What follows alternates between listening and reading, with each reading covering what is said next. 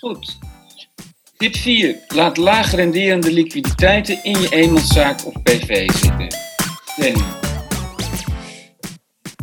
Ja, we weten allemaal dat uh, als je je geld op een spaarrekening zet, uh, dat dat uh, niet of nauwelijks rendement oplevert. Sterker nog, als je boven een ton bij de meeste banken zit, dan moet je negatieve rente betalen. En daarbovenop komt ook nog eens het feit dat je over je sparen te goede ook nog vermogensrendementsheffing moet betalen. Nou is er heel veel te doen over die vermogensrendementsheffing. Hè, want de advocaten-generaal bij de Hoge Raad die heeft nu een conclusie uitgebracht waarin ook de conclusie wordt getrokken dat die huidige vermogensrendementsheffing een buitensporige last kan zijn. Hè, want er wordt altijd gekeken naar de totale omvang van je vermogen. Op basis van die omvang van het vermogen wordt er gekeken uh, hoeveel procent je van dat vermogen zou uh, moeten beleggen en hoeveel procent je op een spaarrekening zou moeten zetten. Los van de, de, de werkelijkheid. Dus je wordt eigenlijk belast voor rendement wat je waarschijnlijk niet behaalt. En dat kan je voorkomen door uh, geld uh, over te boeken naar je BV. Want in de BV wordt uh, vermogen en rendement belast op basis van het werkelijke rendement. en nou ja, laag, laag renderende vermogensbestanddelen, die worden dus lager belast in de BV. Maar je zou ze eventueel ook achter kunnen laten in je eenmanszaak. Want dan behoren ze ook niet tot je uh, vermogensrendementsgrondslag in box 3. Alleen uh, als je te veel overtollige middelen aanhoudt in je eenmanszaak, dan trekt, de trekt de Belastingdienst uiteindelijk de conclusie dat dat geld eigenlijk gewoon behoort tot je vermogensrendementsgrondslag.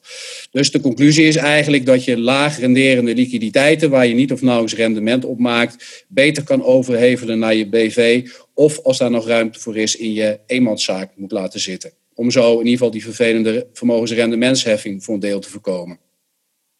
Ja, en als je nou geen bedrijf hebt, is het dan handig om een bedrijf op te richten om deze reden? Ja, er zijn uh, nog heel veel klanten die voor het einde van het jaar op ons advies uh, een, uh, een, een spaar-BV oprichten. Uh, zeker als je boven een bepaalde grens uitkomt en die grens, uh, nou ja, tot, tot 100.000 euro, als je een partner hebt, uh, wordt het vermogen in principe vrijgesteld. Kom je daarboven, dan ga je vermogensrendementsheffing betalen. Maar zeg maar bij uh, vermogens van meer dan 2 ton, dan kan het interessant zijn om voor 1 januari, of in ieder geval voor 31 december, om een BV op te richten uh, en een, bankrekening te openen voor die BV. En daar al het spaargeld uh, naar over te boeken in de vorm van een kapitaalstorting. Want daarmee voorkom je dat je op 1 januari vermogensrendementsheffing moet betalen. En de BV betaalt in principe alleen maar belasting over het werkelijke rendement. Nou ja, als je uh, geen rente vergoed krijgt of je moet zelfs uh, negatieve rente uh, betalen aan de bank, dan betaal je dus via de BV geen belasting. En dat is nog steeds een legale manier om, om die vermogensrendementsheffing te voorkomen. Ehm, want het is al een aantal keren ter sprake gekomen in de Tweede Kamer. En tot op heden heeft de staatssecretaris en ook de minister gezegd dat dit gewoon een legale manier is om, om belastingheffing te voorkomen zijn er nou ook mensen die gewoon in loondienst zijn of met pensioen of wat dan ook, maar die een hoop spaargeld hebben en die dan om deze reden een bedrijf oprichten?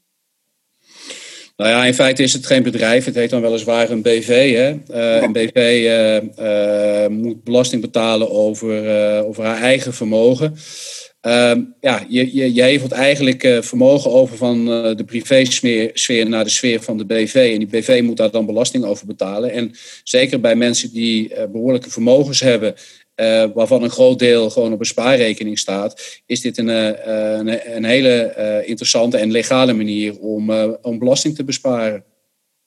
Ja, ja. Interessant dat dat mag, hè?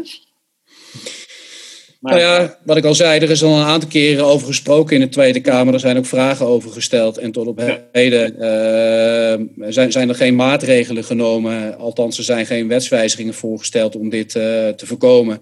Ja. Uh, nou is dat wetstelsel natuurlijk wel steeds een beweging. Hè. Er wordt natuurlijk veel over geschreven in de, in de media. Uh, en we zitten natuurlijk nu te wachten op, uh, op het nieuwe kabinet. En het zou zomaar eens kunnen dat uh, over een jaar of over twee jaar die hele vermogensrendementsheffing aangepast gaat worden. En dat, dat deze constructie niet meer zo interessant is. Maar tot op heden is, het een, is het een interessante manier om, om belastingheffing te voorkomen.